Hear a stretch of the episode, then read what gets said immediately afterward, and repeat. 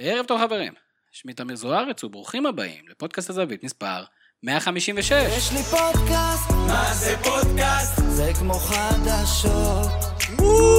יש לי פודקאסט, מה זה פודקאסט? זה כמו חדשות. שוב אתם מצטרפים אלינו לפודקאסט הזווית, הפודקאסט של אתר הזווית, הזווית.co.il, אה, כנראה הפודקאסט הביתי בתבל, והפגרה הסתיימה, הליגה חזרה, אבל יש מצב סביר שהעניין בה, לפחות בצמרת, אה, כבר הסתיים. בשביל להבין מה קרה בשני המחזורים הראשונים של הפלייאוף העליון, ומה אפשר ללמוד מכך, הוספנו פאנל שמשלב ניסיון על הדשא עם נתונים. ערב טוב אה, לשחקן העבר וחבר בהווה, עומר ורד. אהלן, ערב טוב. עומר, בתור שחקן מכבי תל אביב לשעבר, שרגיל לדבר, רגיל לדבר בדיפלומטיות, האם סיפור האליפות גמור?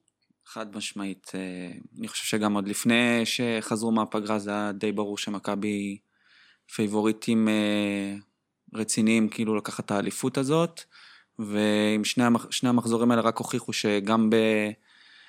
בהילוך ראשון, הילוך שני, הילוך שלישי, הם עושים את זה, הם מביאים את התוצאות שצריך, ולדעתי הם יסיימו גם את העונה הזאת בלי הפסד. אנחנו עומר מדבר על באמת איזה שיאים הם בטוחים לשבור, אבל אתה יודע מה, למה, למה אני שואל? בגלל ש... אתה יודע, עמד אתמול איביץ', שאלו אותו האם זה גמור, אמר, ממש לא, וכאילו הוא רצה להרוג את המראיין שלו, אבל זה התרגלנו. ואחרי זה היה אייל גולסה, ודיבר, ואמרו לו, אוקיי, אתם חוגגים? "נו, לא. מבחינתם מה, זה עוד ניצחון? אומר, לא, לא עוד ניצחון, אבל לא, ממש לא סגור, ומבחינתנו, הם באמת מאמינים בזה, מלמדים אותם את זה, או שאתה בתוך זה, בתוך אז- הזון, אתה לא רוצה לצאת ממנו. אז שמע, אני בטוח, קודם כל ראיתי גם את איביץ' אתמול מתראיין, ואני באמת מאמין לו שהוא רציני, והוא מבחינתו רוצה לסיים את הסיפור הזה רשמית, ואז אה, להתפנות לחגוג. אה, לגבי גולסה, אתה יודע, זה בכל זאת, זה דברים שגם אה, מכתיבים לך לפני שהולכים להתראיין. בשום פנים ואופן אל תגיד שסיפור האליפות אה, גמור, כי רוצים לשדר גם משהו אחר גם לש- לשאר השחקנים, לצוות, שלא יהיה זלזול. אה, אבל אני יודע שבתוך, אני בטוח שבתוך תוכם הם גם יודעים שנשאר ממש מעט אה, עבודה בשביל להבטיח את האליפות הזאת באופן רשמי, והם מרגישים את זה, אין ספק שזה מורגש, למרות שאין את הקהל, וראיתם גם את החגיגות אחרי המשחק, אני בטוח שהם מרגישים שזה קרוב מתמיד. הם חייבים אבל לשדר כלפי חוץ את הרצינות הזאת, גם לתת כבוד לקבוצות האחרות בליגה, לשחקנים האחרים, וגם אה, בשביל לשמור על עצמם אה, מרוכזים עד הסוף. זאת אומרת, זה ביצה ותרנגולת כזה. אתה אומר, אני צריך להגיד את זה, ואז לאט לאט אתה מתחיל להאמין בפנים בזה. הם יודעים שזה הסיפור 99% גמור. חסר להם שלא. אה, עוד איתנו אנליסט הבית, אדם רוזנטל, ערב טוב, אדם. ערב טוב. אדם, אה, בוא, תגרה אותנו קצת. איזה איזה קול יצא לך. אה, ערב טוב. אה, אדם, מה הנתון המעניין של תחילת הפלייאוף? אמ, הפועל תל אביב, בכל העונה הסדירה, מול הקבוצות שהיום בפלייאוף העליון, כלומר עשרה משחקים, השיגה שש נקודות. אמ, בשני המחזורים האלה, בארבעה ימים, היא גם השיגה שש נקודות, אז אה, כנראה משהו השתנה שם בתחילת הפלייאוף. אתה אומר, יכול להיות שהייתה השפעה על הקורונה. אה, יכול. להיות, יכול להיות שזה השפיע. אה, וקודם כל, האמת, בואו נחזור לדיון הקודם, אז רציתי להגיד מזל טוב. אתה יודע, מגיע לך. היה לי יום הולדת, נכון, שבוע שעבר, אנחנו ממשיכים כן, להתחרות התכוונתי עד, על אה, האליפות, אבל. סבבה. אני איחלתי בסטורי. זה נכון. אה, כרגיל פה איתנו אה, מפיק הפודקאסט ברק קורן, שהתערב במידת הצורך, ככה הוא- נטען, כרגע הוא נטען, ובמידת הצורך הוא הוא ישחרר לטרף. אז יש לנו כמה דברים לדבר עליהם. א', סיכום משחק העונה, הרכבים, טקטיקות, המשחק שהתפתח, והתפתח משחק... אה, כאילו סטנדרטי למכבי תל אביב, לא חשבנו אולי שזה יהיה חלק ממשחק העונה, אבל התפתח אה, בצורה מסוימת, אנחנו עוד נדבר על זה. אה, נדבר גם קצת על החזרה של שתי הקבוצות המובילות שלנו מהקורונה, על פניו קבוצות שאין להם, לא הוציאו שחקנים לחל"ת, וסגרו את אה, נושא השכר עם השחקנים ואת התעסוקה די מהר או די בתחילת המשבר, אבל הם לא חזרו באותה צורה מהפגרה. ננסה לדבר על זה קצת, גם כן ברמה המקצועית, אה, וגם כמובן מבחינת אה, מה אנחנו רואים על הדשא. סיכום פלייאוף עד עכשיו, אז דיברנו קצת על הפועל תל אביב, שבאמת כרגע מדהימה את כולם. בצד השני בית"ר ירושלים, סוג של עוברת תהליך כמו של מכבי חיפה, מבחינת פתאום כל החצים על המאמן, נדבר גם על זה, גם נרצה, נרצה לקבל מעומר טיפה, ככה איך זה להרגיש בתור שחקן צעיר, וטיפה אה, מומנטומים, ואיך זה להיות בלי קהל, המון סיפורים סביב החזרה הזאת. אה, בקיצור, יש לנו הרבה על הפרק, ואנחנו כבר חוזרים אה, למשחק העונה. ועומר, כשאני ראיתי אתמול, אתה יודע, פתחתי את המשחק, והמשחקים האלה, מכבי תל מכבי חיפה, גם תשע הפרש, הם משחקים שיש לך פרפרים במהלך היום, ואז אתה מגיע לרוב לאצטדיון שעה וחצי לפני, ואתמול לא היה את זה. איך זה לעלות למגרש? אתה יודע, אנטי קליימקס כזה, אפשר להרים בכלל את האנרגיות לאנרגיות של משחק עונה ללא קהל? אז אה, זהו, זה מאוד אה, תלוי. אני זוכר שגם לי מבחינה אישית היה דרבי במכבי ששיחקתי, וזה היה ללא קהל. אה, אני לא זוכר אפילו איזה קבוצה מהם נענשה.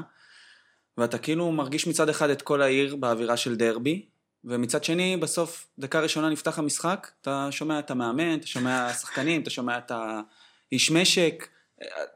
הכי לא מרגיש דרבי ש...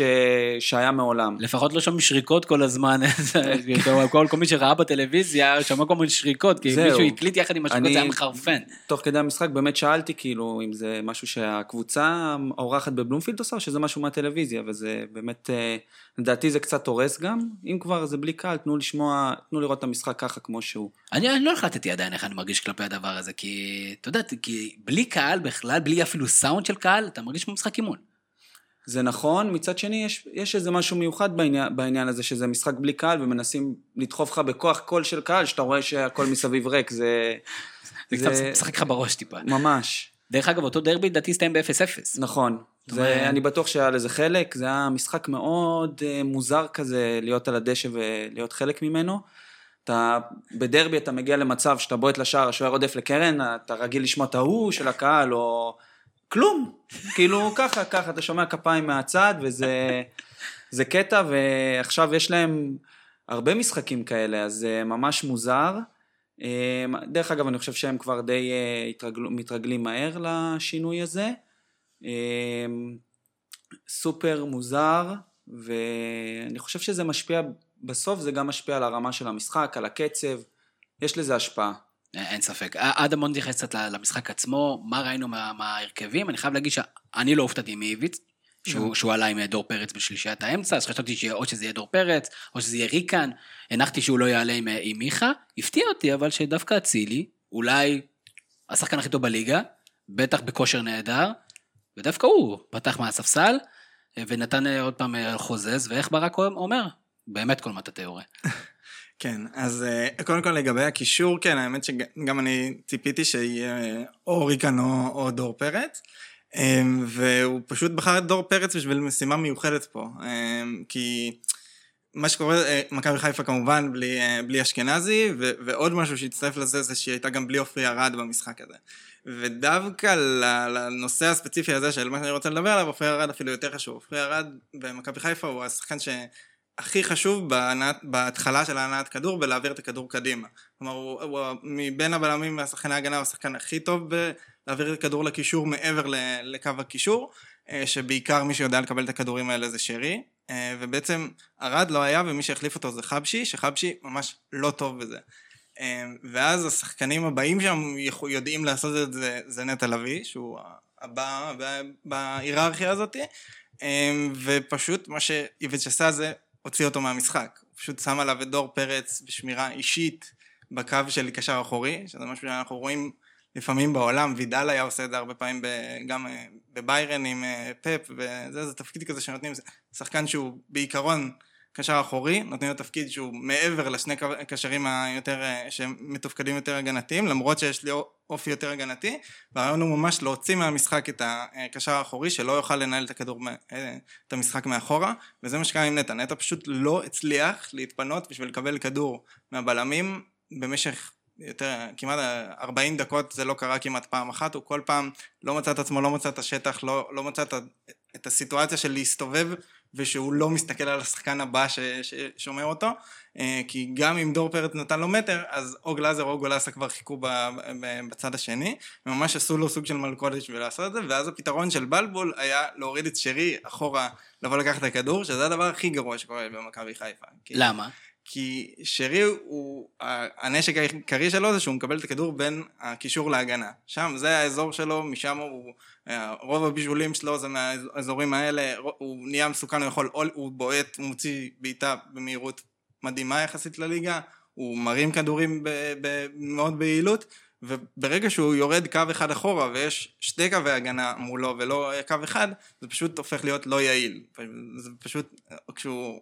צריך, כשהוא חוזר אחורה, אז גם אם הוא חופשי, זה לא עוזר לאף אחד. אז, כי אז שם- מה היה הפתרון שהוא יכל לעשות?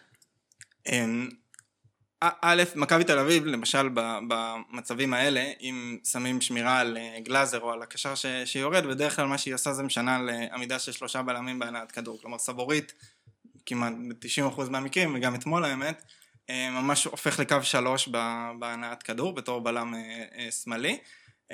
ו- ואז הקבוצה הרבה יותר רחבה. כלומר, אתה יכול להניע את הכדור דרך הצדדים, ואתמול דווקא מכבי חיפה קבוצה שבדרך כלל כן משתמשת במגנים שלה התקפית יחסית הרבה, מבוקה ממש היה גם מחוץ למשחק, כלומר גם זה איביץ' עשה, שם את מתן חוזז, השאיר את מתן חוזז באגף הזה ולא שם שם לא את יוני, את יוני כהן, אה, ממש בשביל התפקיד הזה, כלומר סוג של חוזז על מבוקה בשביל שמבוקה לא יוכל, יוכל לקבל את, ה, את הכדור אה, ובצד השני בגלל שסן מנחם פחות אה, מסוכן ואם הוא כבר עולה אז אה, יהיה גול בצד השני כמו שהיה. מסוכן אז- לעצמו. כן, הוא בעיקר מסוכן להגנה של חיפה במצב הזה, אז הוא פחות קיבל את הטיפול האישי הזה, ובעצם חוזז היה ממש על מבוקה, חסם את האפשרות להניע כדור דרך הצדדים, חיפה ממש ממש הייתה תקועה בהנעת כדור, כלומר, זה ממש הרגיש שב-0% מהמשחק אתה רואה שחקן של חיפה שמקבל כדור ויש לו שטח. זה ממש לא קרה, לקח, לא יודע, דקה 47-50 זה בערך פעם ראשונה שזה קרה. היחיד שהיה לו את זה קצת זה היה ווילדסחוט, ואחרי זה, כשמכבי קצת צופפה אחורה, אז גם לא היה לו את השטחים האלה. עומר, אתה תכניס לי קצת לנבחי המקרים האלה, שבהם אה, מתלבשים על שחקן, כמו שעשו לנטע תל אביב, ואני ראיתי קצת את השיח, לדעתי לא מאוד, אה, לא, לא מאוד מכבד, כלפי נטע לביא ב- ביממה האחרונה, ששו, שלדעתי לא היה לו שום סיכוי, ויותר מזה, שלדעתי מראה על ה... על ה... בדיוק, זה מראה על כמה מכבדים אותו במכבי תל אביב, אם איביץ' עשה לו את אותה מלכודת. זה, היית במשחקים, ראית נכון. שקורים דברים כאלה לשחקנים, זה, זה יוצא, מבין, השחקנים מבינים את זה, השחקן עצמו בא ואומר בואו תעזרו לי. אז אני חושב שבאמת אה, אחת הטעויות הכי גדולות של חיפה בהכנה שלהם זה שבאמת שעופרי ארד למשל לא משחק ומשחק חבשי אין מספיק אפשרויות במידה וסוגרים את נטע לביא ואני לא חושב... במקרה הזה הוא היה מוצאב, זאת אומרת, זה לא נכון. היה החלטה... מו- ואני חושב שנגיד ששרי יורד למטה לקבל כדור והוא לא מסוכן שם מן הסתם, זה, זה לא הוראה מ... זה לא הוראה של המאמן. זה, הוא מרגיש שהכדור לא מצליח לעבור, אז הוא אומר, אני אבוא לעזור למשחק. הקישור. ופה, ודווקא. פה צריך לבוא ולהתערב המאמן ולהגיד לו, לא, אתה תשחק באזורים שלך איפה שאתה מסוכן, והם היו צריכים פשוט להכין עוד תוכנית של יציאה, יציאה קדימה מהגנה להתקפה, וזה מה שלא היה, ברגע שסגרו את נטע. אז הלך אה, כל משחק הנעת הכדור המסוכן של חיפה, באמת לא היה למי לדחוף את הכדור אחרי זה בין הקווים. האם בכלל היה להם את האופציה למכבי חיפה בסגל? כי אה, שלושה בלמים, ב- בוא נגיד היינו אומרים ששלושה בלמים יכל היה לעזור כנראה בסיטואציה הזאת, בענת הכדור. מי הבלם השלישי כשעופרי ארד לא נמצא, רמי גרשון. ורמי גרשון אה, ב- בפוסט טראומה? אמ, נראה לי שבמקרה הזה העניין הוא להוריד את סן מנחם להיות בלם שמאלי ולרווח את המשחק ככה, אבל עדיין זה אומר צריך לייצר מצב שסיינסבורי הוא יחסית חופשי עם הכדור כי הוא נהיה היחידי מהבלמים שיכול לקדם. וגם לזה מכבי תל אביב יחסית באו עם פתרון כי שכטר או יוני כהן תמיד נצמדו לסיינסבורי בתחילת הנעת כדור והשאירו את חבשי חופשי. זה, הם, זה הם ידעו שחבשי משחק ושעדיף שהוא יקבל את הכדור, ולפעמים במקרה כזה פשוט מד... אין מה לעשות, צריך לדלג, שהשוער פשוט ייתן כדור ארוך וילכו לריב על ה-50-50 על הכדור הראשון, ומשם יפתחו משחק ששרי נמצא באזורים זה, המסוכנים. זה מצחיק איך זה משחק מתפתח, כי אנחנו ראינו את ההרכב בהתחלה, ואני רק כאילו מכבי תל אביב עלתה עם הרכב יחסית הגנתי, אתה יודע, בשיח, ומכבי חיפה עלתה עם ארבעה שחקנים התקפים, אתה יודע, כאילו ב- ב- בדיבור הישן, שבו לא נכנס לנבחי הטקטיקה, היה נראה כאילו מכבי חיפה באה להתאבד על המשחק, ומכבי תל אביב באה יותר לסגור, ובפועל בפועל ראינו שזו תוכנית משחק. ואני חושב שהיום אנחנו יודעים לעשות את זה יותר טוב מאשר אולי לפני עשר שנים, כשהשיח קצת היה יותר שטוח בקטע הזה. אבל אני רוצה להמשיך לדבר על. זה אתה אמרת, אני הגעתי אולי כי אני אוהד, אז הגעתי לפלייאוף הזה עם, עם חששות, אמרתי אני לא יודע איך הקבוצה תחזור, אה, אני מקווה שהם יחזרו כמו שצריך, אבל לא בטוח, יכול להיות שנאבד איזה נקודות נגד הפועל חיפה, ו- ופתאום המשחק העונה הזה יהפוך להיות אה, אה, סיפור גדול, ואתה אמרת, אה, עומר, שגם ככה הייתה פבוריטית אה, די גדולה לזכות, היום אחרי התוצאות זה נראה כאילו ברור, נכון. אבל למה זה היה ברור לך גם קודם? אמ, תשמע, אני עדיין קרוב איכשהו למכבי, ואני יודע גם שבתקופה של הקורונה הם מאוד הקפידו, אם זה אפילו להעביר אימונים דרך הזום, ואם זה... אין שחקן שקיבל תוכנית ולא עשה אותה. זה, זה בוודאות, זה חד משמעי. עוקבים שם על הכל מהרמה הכי קטנה, גם שהם חודשיים לא התראו, ואין, אין בלוף בדברים האלה. שחקנים שעבדו בתקופה הזאת, מן הסתם יקצרו את הפירות במחזורים הראשונים, שכבר אתה משחק אחרי כמה ימים עוד משחק, אז, אז זה ההבדלים הקטנים, שמכבי יכולה שם לתת את הפוש, ו... שמע, אני לא יודע מה קרה, במק... מה היה במכבי חיפה בתקופה הזאת, אבל um, שני משחקים הם נראו לא טוב. זה, זה, זה ברמה העובדתית. אז uh, כנראה שמשהו בהכנה שלהם בתקופה הזאת, משהו לא היה טוב. כן, זה, זה כנראה, אבל אה, מרב החצים, ואנחנו עוד אולי נפתח את זה, מרב החצים מופנים לבלבול, אה, על שני המשחקים האחרונים, כששוב, במשחק הראשון, הסגל שלו, שהיה בידיים שלו, היה די טלאים, יכול להיות שיכל לעשות עבודה יותר טובה, כנראה יכל לעשות עבודה יותר טובה, אבל בוא, בוא נגיד ככה, מה, מה המטרות כרגע של בלבול עד סוף השנה? אה, לדעתי לייצר מומנטום חיובי לקראת העונה הבאה. תכלס מה שהוא עשה בפלייאוף הקודם. כאילו, אם, אם כרגע לא נראה שמאבק האליפות יחזור, וזה מצחיק, במירכאות זה לא, זה לא באשמתו, זה, זה באשמת איביץ' ומכבי תל אביב שלא מאבדים נקודות ולא מפסידים פה משחק. אה, מה שהוא כן יכול לעשות זה לנסות ל- למצוא את השחקנים שאיתם הוא רוצה לרוץ גם בעונה הבאה ולייצר את המומנטום החיובי הזה ולראות איך אפשר להוציא מירדן שואה יותר, ו- ואיך... שאלה אם הוא רוצה.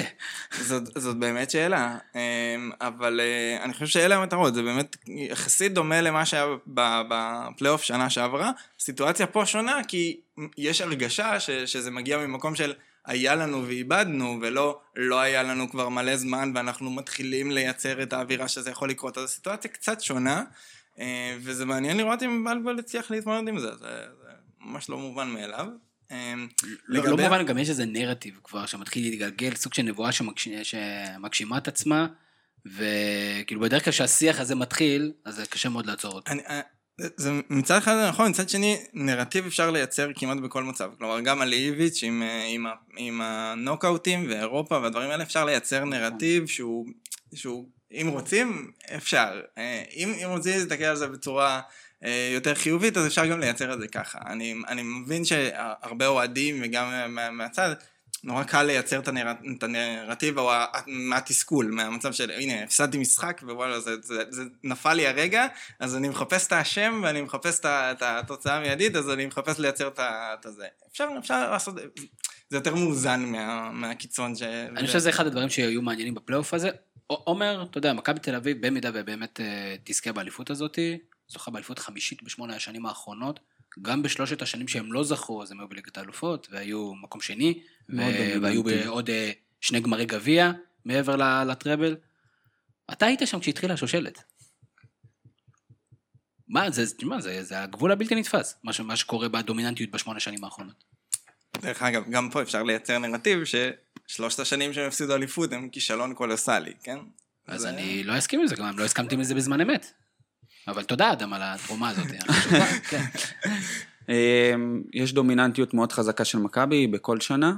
אבל זה באמת משהו מערכתי, זה באמת משהו שהוא, זה, מה זה, זה האווירה בקריית שלום, לדעתי, מה זה? לדעתי זה משהו באמת מערכתי, זה, זה לא סתם, יש אה, רצינות מהדרג הכי גבוה עד הכי נמוך, יש מקצוענות באימונים, יש מקצוענות מחוץ לאימונים, אה, זה לא מקרי, זה לא מקרי, ו... במקומות אחרים ניסו לחקות את זה, אבל זה לא כמו המקור, כי הם לא עושים את זה 100% אותו דבר.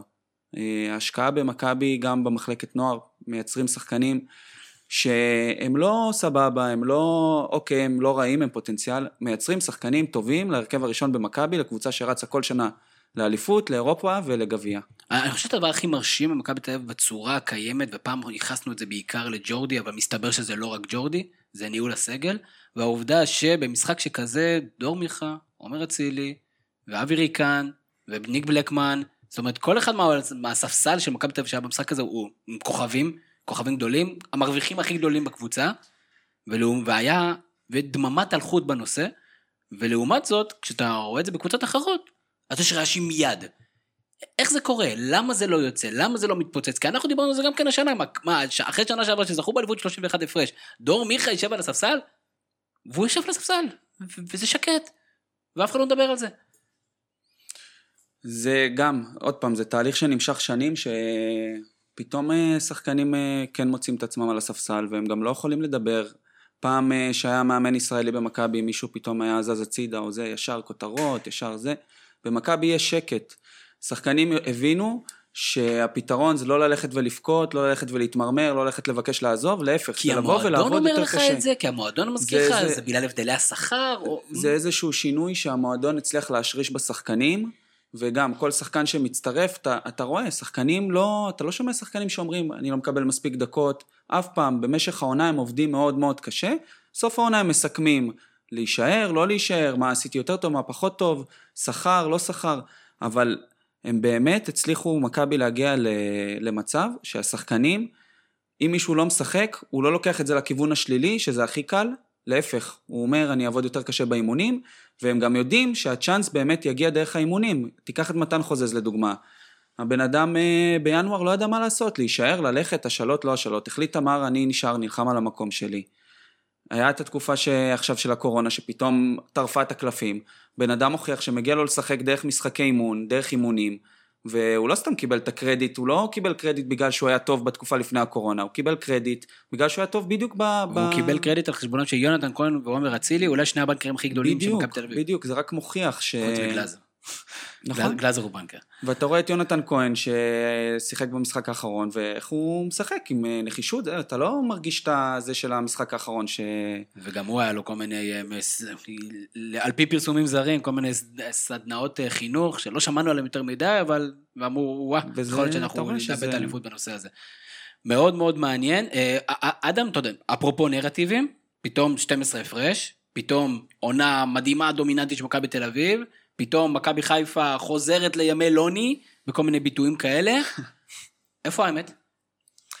אה, תשמע, מכבי תל אביב, אין ספק שהיא בעונה מדהימה, אה, אבל היא, היא מאוד מחולקת. אני חושב שתחילת העונה היא הייתה, הם, הם פשוט הם התמודדו עם משהו, כלומר, בלי אצילי ובלי גולסה, הם פשוט יצרו איזשהו בלוק הגנתי מאוד מאוד מאוד מתיש לקבוצות, ו... ו- ולצופים כאחד.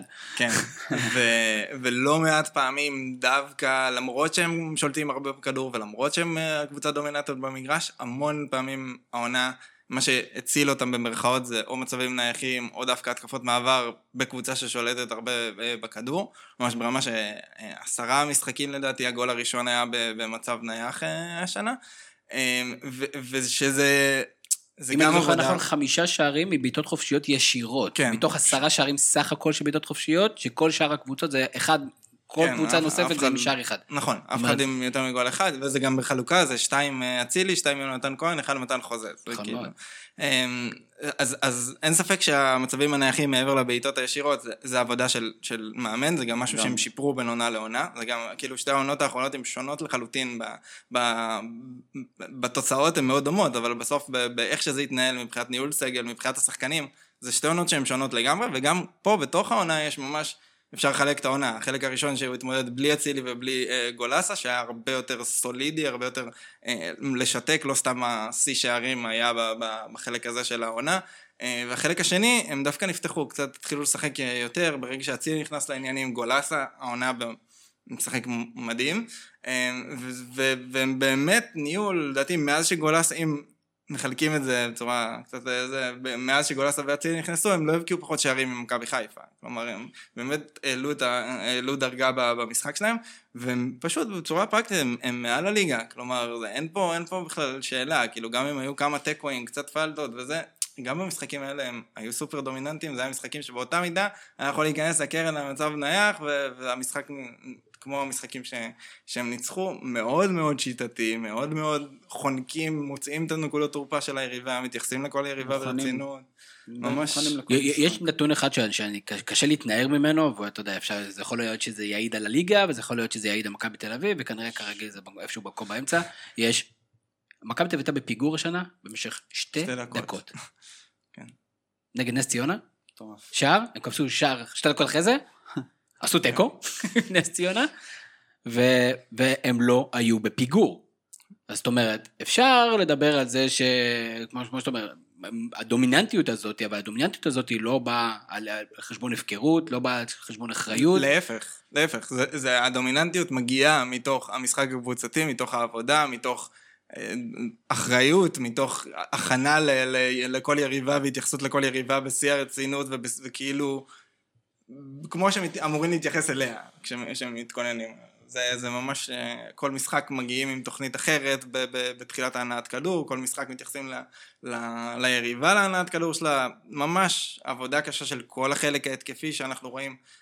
עומר אצילי בשנתיים האלה, זה השינוי, העבודה שלו בלי הכדור דווקא, היכולת שלו לחטוף כדור, ל- אולי האיש. שהכי אה, הושפע או נתרם מאיביץ', ורואים את זה. ואני אני אגיד את האמת, אה, אני מן הסתם אשמח שכל כל השחקנים של מכבי תל אביב יישארו, אני בספק אם זה יקרה, אבל אה, אני חושב שיש כמה שחקנים במכבי תל אביב שכנראה עבורם ועבור הכדורגל הישראלי, לא שאכפת לי מהכדורגל הישראלי, כן, אכפת לי ממכבי, אבל אה, בגדול כשיח, ולטובת מי שאוהב את הכדורגל הישראלי, האנשים האלה צריכים להיות, אה, צריכים להיות בחוץ. אם מישהו כזה כמו דור פרץ למשל, שעכשיו חזר, הוא לא היה מאוד משמעותי באליפות הזאתי, ו... אבל הוא צריך, לדעתי הוא צריך לעבוד, איתו על כמה דברים אה, בסיסיים שבאירופה הוא יקבל, ולא בטוח שבארץ הוא יקבל, כמו לדוגמה פס, כמו לדוגמה סיומת, יכול להפוך אותו לשחקן שונה לגמרי. לראיה, שון וייסמן. כאילו, אז נכון, יכול להיות שזה איזה חריג, אבל לפעמים השקט הזה הוא כזה, וזה באמת מחבר אותי, אומר, ל- ל- לעוד משהו. אנחנו, וזה אולי לשיח בכלל על הפלייאוף בצורה כללית, אם אנחנו קצת עוזבים את, ה, את המאבק הצמרת. אה, אין קהל, כנראה שאין הנחות אחרי שמישהו לא מסר, או אחרי מישהו שבעט אה, בביתה לא טובה, או עשה איזה טעות קטנה, ולהפך, מי שלידך מוחא לך כפיים, יאללה, הכל בסדר. אה, אז יש גם דברים חיוביים מכך שאין, שאין, אה, שאין קהל, או שהלחץ הוא קצת שונה, או שיהיה פחות מתח. תספר לנו קצת על איך זה לבוא בתור שחקן צעיר, כמו לדוגמה בהפועל תל אביב, ואני מאמין שאנחנו נראה את זה יותר ויותר, גם בבית"ר ירושלים, אה, גם אולי בהפועל באר שבע, כל, כל הקבוצות שאיבדו, יאבדו עניין בשלב מסוים בליגה ובגביע. איך זה בתור שחקן נוער, האם עדיף לחוות את הכל כחלק מהעצמה ו- ולגדול עם זה, או שדווקא זה סוג של תנאי מעבדה כאלה להצליח? אז uh, אני חושב שבגדול, אם מסתכלים על התמונה הכוללת, מדובר ב- באמת ביתרון. לשחקן צעיר שפתאום נות, uh, עולה להופעת בכורה, פתאום uh, מקבל יותר קרדיט. ברור שאם שחקן עולה להופעת בכורה והוא נותן משחק מעולה ויש קהל ברקע, אז ברור שזה תורם לו. אבל uh, אני בוחר להסתכל נגיד אם יש שחקן שנותן משחק טוב, ומשחק אחרי זה פתאום כמו נדנדה כזה, נותן משחק קצת פחות טוב. ואז הקהל, אתה מתחיל לשמוע קצת רחש בקהל, ואז, ואז אה, שחקן צעיר כן יכול להיפגע מזה. והסיטואציה הזאת ששחקן צעיר בהרגשה של ממש, של בא למשחק אימון, אה, באמת אה, יכול לקדם אותו ברמה האישית, והוא יכול לנצל את התקופה הזאת בשביל באמת להשתפשף, בלי העניין של הקהל מסביב. זה בעצם, זה אפילו פחות קל ממשחק נוער. אז הוא, שהוא עולה לדשא, אני מאמין שהוא מרגיש קצת יותר רגוע, שהוא אומר, טוב, אם אני אעשה איזה פעולה זה, אין לי את הקללות. זה את אלמנט אחד שאני לא צריך להתעסק איתו. זה בדיוק, זה משהו שמאוד משפיע. ברור שיש גם את האפקט החיובי של הקהל, שאתה נותן אה, הרמה לגול, או שאתה מבשל, או שאתה מפקיע, אז ברור שהחגיגה הזו זה משהו שמרים אותך ומעיף אותך. אני אבל, חושב על אה, שחקני הנוער של הפועל תל אביב, שחזרו מסמי עופר עם ניצחון, ופתאום היה להם את בית"ר ירושלים בבית, עם קהל של עכשיו מצפה ונותן להם איזה קרדיט, כי הם כבר מכירים אותם, זה. יכל... זה בטוח הוריד מהם. אה, קצת אה, מהלחץ, כי באמת אחרי משחק טוב, אה, אז פתאום על הצעירים מדברים, מדברים, מדברים, זה יכול לגרום לך קצת להרגיש בלחץ, אוי, עכשיו אני צריך להראות שבאמת הצדקתי את, ה, את הפרגונים מהמשחק האחרון, ואז פתאום פס ראשון לא טוב, פס שני לא טוב, ואז השחקן הצעיר שם, הוא כאילו, שם הוא יכול להתבלבל, ושם זה מועד לפורענות, ו, ולא היה את זה במשחק העוקב, וגם לא יהיה את זה במשחק העוקב. שאחריו, אז uh, באמת uh, יש פה הזדמנות uh, גם לשלב צעירים שהם יבואו לעונה הבאה בתקווה שכבר יהיה קהל, אז uh, הם כבר עם, הם כבר ממש עם ניסיון של שישה, שבעה, שמונה משחקים פלייאוף עליון, והם כבר, כבר שם. עוד משהו שפועל לטובת השחקנים הצעירים שלנו זה חמישה חילופים. ו... אתה, אתה, אתה, כשדיברנו לפני, לפני התוכנית, אמרת, תשמע, זה, זה מדהים. כן. אז יש לך יותר שחקנים שיכולים לקבל דקות, אפילו מכבי חיפה אתמול הכניסה את, את השחקן הכישרוני סוף, אני לא הולך לשם משפחה, סוף. ודרך אגב, מה, בוא, בוא נדבר על זה שנייה. האם אם אתה היום מאמן בליגת העל, כמה אתה באמת נותן עכשיו אה, במאני טיים הזדמנות לשחקן צעיר, או שרק אם אין לך ברירה. אז זהו, אז אה, אני חושב שזה מצב שבאמת אה, גם אין כל כך ברירה, כי חייבים לשמור על השחקנים שבכל זאת לא היו במסגרת אה, חודשיים. ופתאום כל שלושה, כל ו- שלושה ימים יש משחק. ויש משחקים כל שלושה ארבעה ימים, וזה באמת סיטואציה שהמאמן חייב, חייב להשתמש בכל הכלים שלו, גם אם זה אומר לפעמים לשלב שחקנים פחות טובים.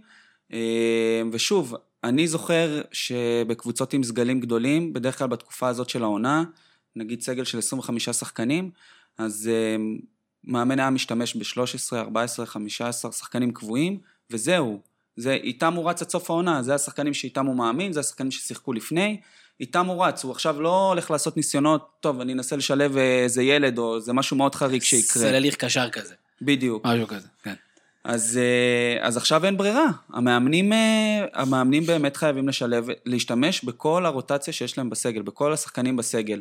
ובדרך כלל בתקופה הזאת יש לפעמים, אתה יודע, שחקנים כבר, לפעמים באימונים כבר אה, קצת זורקים וקצת לא מתאמצים וקצת אה, פה שם לא דוחפים, כי אומרים אני גם הרגליים." ככה לא משחק, המאמן חייב לתת, כאילו ימשיך לתת לשחקנים שהוא רץ איתם עד עכשיו. ופתאום, אה, אתה יודע, אני בטוח שהאימונים גם נראים אחרת, ואני בטוח ששחקנים יודעים שההזדמנות שלהם תגיע עכשיו, ועכשיו זה, זה מאני טיים להרבה קבוצות. הם יודעים שההזדמנות שלהם תגיע עכשיו, וזה גם, ה- גם אם הם יודעים שהם לא יישארו בקבוצה, הם יודעים שזה החוזה שלהם לשנה הבאה. בדיוק, זה מאני טיים לשחקנים. זמן טוב אה, ל- יודעים, לבנות את החוזה הבא. בדיוק. הם יודעים שהם יקבלו את הדקות שלהם, הם לא יודעים בדיוק להגיד מתי. שחקנים שאני מדבר שלפני זה היו פחות uh, בעניינים, והם עובדים באימונים גם בשביל הרגע הזה, בשביל הרגע שהם יעלו למגרש, הם צריכים להוכיח שהם שווים או מקום בקבוצה הזאת לעוד עונה, או בקבוצה אחרת שתיקח אותם. ד- דרך אגב, הרמה עד עכשיו, למרות שאין קהל, ולמרות שחזרנו מפגרה ארוכה, סבבה לגמרי. מכבי תל- מכבי חיפה לא היה משחק מדהים, בטח לא בהשוואה לקודם, אבל אנחנו רואים, הרבה שערים פתאום. מה קרה, אדם? למה יש הרבה שערים פתאום? אמ, אני חושב שקודם כל, בגלל המתכונת של הפלייאוף וכל הזה, אז דווקא... ובגלל שהאליפות קצת מוכרעת וזה, אז יש לא מעט קבוצות שאין להן באמת על מה לשחק. את זה אנחנו הכי אוהבים. אבל בדרך כלל, זה, זה מה שמרגיז אותי, שיש הרבה פעמים כאלה שאין להם על מה לשחק, והם עדיין יוצא שם 0-0, זה מחרפן אותי בליגה הזאת. אה, זה נכון, למרות שהצמרת של הפלייאוף התחתון אה, בדרך כלל דווקא כן אה, נפתח קצת יותר השערי הגולים, וגם עכשיו לדעתי זה מה שיקרה, יש לא מעט קבוצות שהן אה, בסיטואציה כזאת של אה, בדיוק מה- הדברים שעומר אמר, ביחד עם זה שאין באמת מטרות אמיתיות, דווקא זה עוד יותר ידחוף אותם ל- גם לשחק קצת יותר פתוח וגם לשתף יותר שחקנים, בני יהודה, מכבי נתניה, אה, אשדוד, חדרה שלא ממש עשתה את זה עד עכשיו. אה, זה קבוצות שכביכול עוד משחק שתיים כבר מבטיחות את ההישארות והן יכולות ממש גם לנצל את החילופים, גם ל- לתת לשחקנים אה, זה, וגם בגלל המצב הכלכלי זה מעניין כי שחקנים צעירים הם לא רק אה, כדאי לתת להם כי סתם כי הם צעירים, אלא באמת יש פה מצב עם, עם העניין הכלכלי שאולי דווקא שחקנים שעד עכשיו היו שחקנים לגיטימיים בליגה והם קצת יותר יקרים, לא כדאי לתת להם לשחק, כי אם הצעיר הזה הוא מספיק טוב, אז עונה הבאה כבר עדיף לתת לו חוזה בפחות כסף, והנה ההזדמנות שלו להוכיח שהנה המקום שלו. אה, נגיד קבוצה כמו באר שבע, שהיא ממש בכפייה צריכה לעבור תהליך כזה של אה, להוריד תקציב משמעותית, אמור להיות שם דבר כזה, פשוט המחלקת נוער שלהם לא מספקת מספיק שחקנים, אבל זה, זה, זה תהליכים מאוד מעניינים שקורים עכשיו, גם ההשפעה הכלכלית הזאת והחמישה חילופים, שאנחנו גם לא יודעים להיות- יותר מדי. בהפועל באר שבע אנחנו יודעים כי התחלפה הבעלים, בבני יהודה אנחנו יודעים שהם על המדף, אבל אנחנו לא יודעים יותר מדי, אנחנו לא יודעים איך מכבי תל אביב נפגעה מהמשבר, אנחנו לא יודעים איך מכבי, אנחנו שומעים שמועות שחר החליט שבקיץ לא יקנה שחקן, אנחנו לא יודעים אם זה באמת יקרה, אנחנו לא יודעים, לא- אין לנו מושג. אז אני חושב שזה גם כן הופך את הכל למעניין, כאילו הרבה פחות צפוי. ודרך אגב, אני זורק עוד, עוד הערה, ואולי זה מתחבר למה שעומר אמר מקודם, היו הרבה משחקים העונה שהיו 30 אלף איש, אם זה היה בבלומפילד, אם זה היה בסמי עופר, אם זה היה בטדי, ולא היה גולים. ואולי דווקא עכשיו, כשאין קהל, ולא שורקים לך בוז, ולא מקללים את אמא שלך, אז זה יכול להיות שקצת משהו נפתח, קצת משהו משתחרר טיפה. יכול להיות. כי ראינו גם, גם מתי נס ציונה כבשה שני שערים? מתי אה, רעננה כבשה שני שערים? נכון. יש פתאום כזה, זה, אפילו מהלכי כדורגל יפים, קריית שמונה אמנם נראתה מאוד מאוד גרוע, וכבשה אחלה שער. השער שהם כבשו זה אחלה שער. וזה הזכיר לי קצת ליגות כזה, כמו הליגה ההולנדית כזה, שאתה ליגה הסקוטית, שאתה רואה משחקים, וכזה אין ממש הגנות טובות וזה, אבל פתאום אתה רואה איזה גול יפה, אתה אומר, אה, תשמע, הם נהנים מכדורגל. שאלה, עומר, האם אנחנו נוכל ליהנות מכדורגל? אני חושב שכן. אני חושב ש... שגם העובדה שהצעירים עולים פחות עם לחץ, הם אה, באמת, באמת אפשר לצפות למשחקים אה, יותר אה, פתוחים. ו... אבל זה כנראה לא רק הצעירים, כנראה שהלחץ הזה הוא על כולם. הוא לא רק על הצעירים, גם על לא, הכוכבים. ברור, גם על- אני, ברור, ו, ועדיין אני חושב שגם ייתנו קרדיט להרבה שחקנים בשביל, עוד פעם, אה, אני מתחבר למה שנאמר לגבי העונה הבאה, שקבוצות יחפשו לחסוך וייתנו לצעירים לרוץ, אני חושב ש, שאנחנו הולכים לראות משחקים הרבה יותר פתוחים, גם צריך לזכור שלמשל קו הגנה שישחק זה לא קו הגנה ששיחק לאורך העונה, כי יהיו הרבה רוטציות. אז באמת אפשר לצפות שדברים יראו אחרת שחוסר מבחינה התיאום הגנתית. הזה יגרום בדיוק. לכך שיהיו עוד שערים. אה, בוא בוא נדבר קצת על הפועל תל אביב, אה, ופתאום אה, ניר קלינגר המושמץ. הוא פתאום ככה, או מדברים עליו הרבה, במחזורים האחרונים כמובן בצדק. מה הפועל תל אביב עושה שונה, אם בכלל? היה כמה שינויים בהפועל תל אביב במעבר בין אה, ניסו לקלינגר. א', גם ממש מבחינת המערך, עברו לשחק כל הזמן עם שלושה קשרים אמיתיים באמצע, ולא עם שני קשרים ו... וארבעה שחקנים אה, התקפיים, אה, בלוק יותר, יותר חזק באמצע. עכשיו גם זה כאילו ממש אה, בשני משחקים האלה זה גם זה מאיר, אייזן ובואטנג, שזה ממש שלישייה אה, עם הרבה עוצמות, למרות שהם צעירים, השני חבר'ה שחקן באמת, מאוד אה, מרשים בואטנג, מאוד מאוד מרשים. נכון נכון, שגם אייזן ודווקא- ומאיר, ויש להם נתונים, אני יודע, אבל בואטנג הוא הוא גם שחקן שנוכח מאוד במגרש. נכון, דו, ודווקא הוא עד עכשיו לא קיבל, כאילו אם יש טענה לקלינגר נראה לי זה על זה שדווקא הוא לא קיבל אצלו מספיק קרדיט, והוא שיחק דווקא עם שחקנים אחרים. ודווקא פה העניין הכלכלי יכול להיות שהוא עזר להם, אם הזיז את רז כהן ואת לקס אה, הצידה ונתן להם אה, מקום. למה? הם קיבלו הצעה נהדרת. לפי פרס- לפי פרסומים. בואו תשחקו חינם. כן. שזה נחמד אם זה על סינתטי. אה, ועוד משהו שקרה עם קלינגר זה פשוט שני, שני שחקנים ש, שהיו בווייב לא טוב עם, אה, עם ניסו, שזה גם דגני וגם אלטמן, שהיה איתם את הסיפור, דגני ממש היה את הסיפור עם הסרט קפטן בקיץ וכל העניינים האלה. אה, ואלטמן שהוא נתן לו תפקיד יותר מרכזי ונתן לו הרבה יותר ביטחון ממה ש- שהיה עם ניסו, שהיה איתו את הסיפור עם הפנדל ושהוא נתן לו לבעוט ואז נתנו פנדל חוזר, נתן לאינברום לבעוט, היה שם ממש סיפור ביניהם ש- שהיה נכון. ב- בלא טוב. שני השחקנים האלה ברגע שהם, שהם תכל'ס שחקנים שיכולים להיות דומיננטיים בליגת העל, העלו את הדרגה, לקחו מנהיגות, זה משפיע על כל, ה, על כל הקבוצה. אמ, ובאמת אה, הפועל תל אביב היא ממש בסיטואציה הזאת של הנה הקורונה נתנה הזדמנות, יש לכם פתאום בטיימינג שיש קבוצת נוער שהיא אחרי שנה של גביע ושנה של מקום שני ומאמן נוער ש... כנראה לפי שמועות הוא באמת טוב ומלמד כדורגל ויודע. מה הוא עושה והכין את השחקנים האלה לבוגרים אז בצדק הם מקבלים הזדמנות ומראים שהם מאוד ברמה ו- ומנצלים את כל מה שעומר אמר מקודם על המחסור בקהל ומנצלים את הסיטואציה הזאת ובאמת יצא להם טוב שהם ממש ב- כאילו הכל הסתדר כזה שכל הדבר הזה מתאים מאוד לסיטואציה ולסגל שלהם וכל הכבוד להם. בוא נדבר על זה, עומר. אה, קבוצה של צעירים, מומנטום פתאום.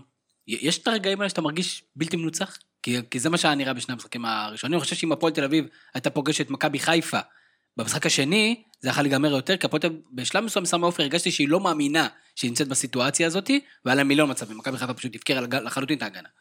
אני באמת חושב שמה שקורה בהפועל זה, זה מדהים לראות את השינוי שהם עוברים במהלך העונה. אה, ובאמת מגיע קודם כל לקלינגר אה, המון מחמאות, כי אני באמת חושב שהוא גם מכין את השחקנים הצעירים ממש טוב למשחק. אתה רואה שהם עולים עם ביטחון. אתה אומר, לא אני לא קשור יודע מה יהיה. בעתיד, אבל אתה אומר, בשני, ב, בהזדמנויות האלה, באתגרים האלה, אז הוא הכין אותם, ובאמת יש איזו תחושת מסוגלות מסוימת. כן, כן. קלינגר אה, ידוע ששחקנים אה, יכולים להתחבר אליו, הוא יכול לסחוף אותם, ואני גם חושב שהנוכחות של אלטמן ובוזגלו בקבוצה גם מושכת אותם אחריהם. בסך הכל זה שני שחקנים אה, מאוד חיוביים, גם בחדר הלבשה, גם מבחינת מנהיגות. אה, אני חושב שהשחקנים האלה צריכים להגיד תודה גם לסיטואציה שהם נקלעו אליה, וגם אה, השחקנים שנמצאים איתם, המנוסים והמובילים, שבאמת יכולים ללמוד מהם, ועושים שם עבודה טובה. דרך אגב, זה, זה מעניין להסתכל על הפועל באר שבע מול הפועל תל אביב. הפועל באר שבע, שוב, מסתכלים על חומר השחקנים של הפועל באר שבע. הפועל באר שבע אחלה קבוצה, אחלה שחקנים עדיין, מאמן מוערך, וככה נגד בית"ר ירושלים היא נראתה טוב ולא השיגה את הניצחונות, את הנקודות, נגד הפועל חיפה נראתה פחות טוב, ואנחנו מדברים על זה כי שתיהן מתכוננות לגביע. עכשיו, שאלה אם אחרי זה הפועל באר שבע תוכל באמת להוריד, להוריד את האמברקס ולהתחיל לנסוע, כמו שהיא רוצה, או האם הפועל תל אביב לא מגיע לשיא מוקדם מדי. אמ, אנחנו, אין לנו את התשובות, אבל זה, זה ניהול הסגל, שכרגע בפועל תל אביב לדעתי לא היה יותר מדי שינויים בהרכב, אולי את ברשצקי, אולי שמרו לקראת החצי גמר, אבל כאילו, אתה- איזה שם, כן, זה, זה, כל הזוהר הזה. ואת ינקו. כן. אלטמן לא היה במשחק נגד חיפה, כאילו יש פה איזה קצת, אבל הניהול אה, הסגלים, בטח של הפועל תל אביב, זה לא סגל ארוך.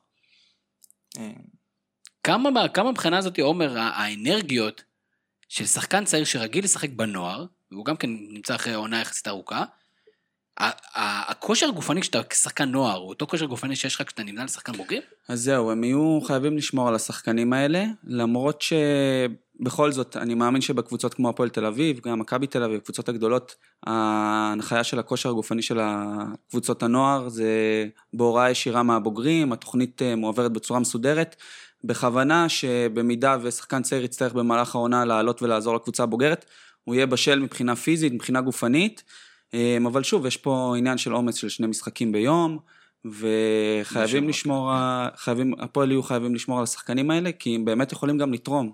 הם יכולים ותרמו כבר, ותורמים. בוא נדבר מקצועית, הפועל תל אביב נותן- נותנת אה, 3-0 לבית"ר ירושלים, שנראית מפורקת לגמרי. משהו מיוחד שראינו במשחק הזה, פשוט, אה, אתה יודע, more of the same. בית"ר ככה באו עייפים אחרי הקורונה, הפועל תל אביב ניצלו מתפרצות. זה, זה לא היה משחק מדהים של הפועל תל אביב כמו נגד מכבי חיפה, לאורך כל המשחק. המחצית הראשונה הייתה, הייתה יחסית טובה, זה הרגיש שזה המשך, אבל באיזשהו שלב הם די הורידו רגל מהגז, ובית"ר פשוט לא ניצלו את זה. כלומר, היה להם, כן היה להם מצבים קצת לייצר יותר בידודים לגרסיה, קצת לשחק יותר חכם. ורד נגיד נכנס מחצית שנייה, הוא דווקא שיחק טוב, אה, הם, הם לא שיחקו טוב כל המשחק. אה, מה שהם כן עשו טוב זה הם דווקא בית"ר לחצו יחסית גבוה, והפועל תל אביב השתחררו מלחץ ממש ממש יפה. שזה משהו שבארץ לא תמיד עושים טוב, ואייזן עשה את זה מעולה, נגיד הגול השלישי, הגול האחרון, בית"ר לח- יצאו ללחץ ממש גבוה, ותוך שתיים, שלוש מסירות, הפועל תל אביב היו כבר כאילו בהתקפה מתפרצת, למרות שהם התחילו בהנעת. וזה הראה כמה בית"ר ירושלים לא יודעת ללחוץ גבוה. כי השער הזה היה, למרות יופיו האובייקטיבי, היה מביך מאוד מבחינה הגנתית לבית"ר ירושלים. היה פס אחד, והיו שם שניים על אחד. זה, זה גולים שאנחנו רגילים לראות בגרמניה. אז זה בפיפא, כשאתה משחק נגד אח שלך, והוא ישן. לא, כי, כי דווקא לחץ כזה, בקלות, זה, כאילו אם מכבי תל אביב הייתה עושה את, את, את הלחץ הזה, אז בסיכוי גבוה זה היה נגמר בחטיפת כדור בשליש הקדמי, ודווקא היה שם כשל... מכבי חיפה, זה היה בדיוק סוג השערים שמכבי חיפה הייתה עושה השנה. עושה לחץ עם עם נטע לביא בצורה גבוהה. בדיוק. יחד עם זה, חטיפה נכון, זריזה וגול. אז- הרבה מהשערים ב-5-0 היו כאלה. נכון, אה, ו- ו- ואני לא יכול להגיד שכאילו היה שם משהו מערכתי לא נכון באיך שהם התחילו את הלחץ. כן, היה שם איזה, פלומיין עשה שם איזה ריצה לא קשורה לעולם שפינתה, אבל אני כן נותן קרדיט להפועל תל אביב על הגול הזה. כלומר, ההשתחררות מלחץ והמסירות, ו- וגם אלטמן עמד עם הגב, הוריד אחורה, פירסמן, כל המהלך היה מאוד יפה, וזה לא היה חריג בזה שבית"ר באמת לחצו הרבה, והפועל תל אביב התמודדו עם זה מאוד יפה, וזה נראה לי שלעומת נגד מכבי חיפה, שהלחץ שלהם דווקא היה הדבר הבולט, פה מה שבלט נגד בית"ר זה דווקא היכולת שלהם גם להחזיק כדור וגם להניע, להניע מאחורה ולצאת אה, דווקא מאחורה, הם הראו כבר את שני הצדדים של המשחק, אבל, אבל כן הייתה ירידה מאוד משמעותית. תחילת המחצית השנייה, הפועל תל אביב לא שיחקה טוב, ודווקא אחרי שהוא עשה חילופים והוציא את השחקנים הצעירים סביבו דקה 60, המשחק אה, שוב פעם... אה, דיברנו על זה, היה. קשה מאוד לשמור, ראינו את כן, זה גם כן, נגד מכבי אה, חיפה, ראינו ירידה משמעותית בקצב במחצית השנייה, קשה לשחק, כבר גם מורגש בחום הזה. עייפות וחום כבר שנכנסים ליוני. בוא נדבר על בית"ר ירושלים, ופתאום, הנה, גם, אני, לדעתי בית"ר ירושלים, בטח לפי מה שאנחנו דיברנו פה בתחילת השנה, כשהדברים האלה צריכים להתחבר, ואז אוחנה נפצע, ועם כל הרעשים סביב המועדון הזה, וגם מועדון שמאוד חי ממומנטום של קהל ומדחיפת קהלית והכל, וכן, חזרה פחות טובה, והפסד מאוד קשה ליריבה, ליריבה ש... לאחת היריבות הקונספטואליות הגדולות ביותר הפועל תל אביב, ושוב, השיח בבית"ר ירושלים מאוד מאוד קיצוני. כן, קודם כל אני חושב שזו החלטה טובה שגם משה חוגג פרסם הודעה שאת ההחלטה לגבי מאמן הוא יעשה בסוף העונה וכבר היו קולות שהוא שוקל לפטר אותו עד היום, את רוני לוי. וזה כבר החלטה ראשונה טובה שאי אפשר להתנהל לפי, רק לפי תוצאות, אי אפשר לקחת לרוני לוי מה שהוא עשה חלק גדול מהעונה.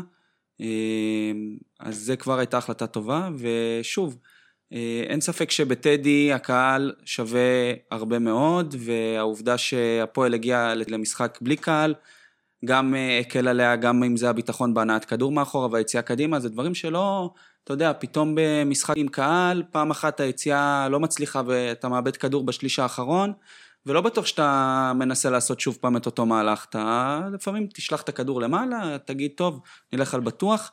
אז uh, במשחק כזה היה להפועל תל אביב הרבה יותר קל לבוא ו... דרך אגב, אמרת משהו לגבי ההודעה של חוגג. אה, הודעה של חוגג, זאת אומרת, ויש הרבה שיח כלפי מי מחליט בבית"ר ירושלים. אז חוגג, אוהב ששומעים אותו, הוא גם מציג הרבה פעמים את האסטרטגיה והטקטיקה וה, והירידה לפרטים. אז מה, מה, מה טיב החיבור הזה עם יוסי בניון, ומה תפקידו של יוסי בניון בכל הסיטואציה הזאת? כשאנחנו מזכירים, יוסי בניון עצמו לא ממש הסתדר עם רוני לוי בתור שחקן.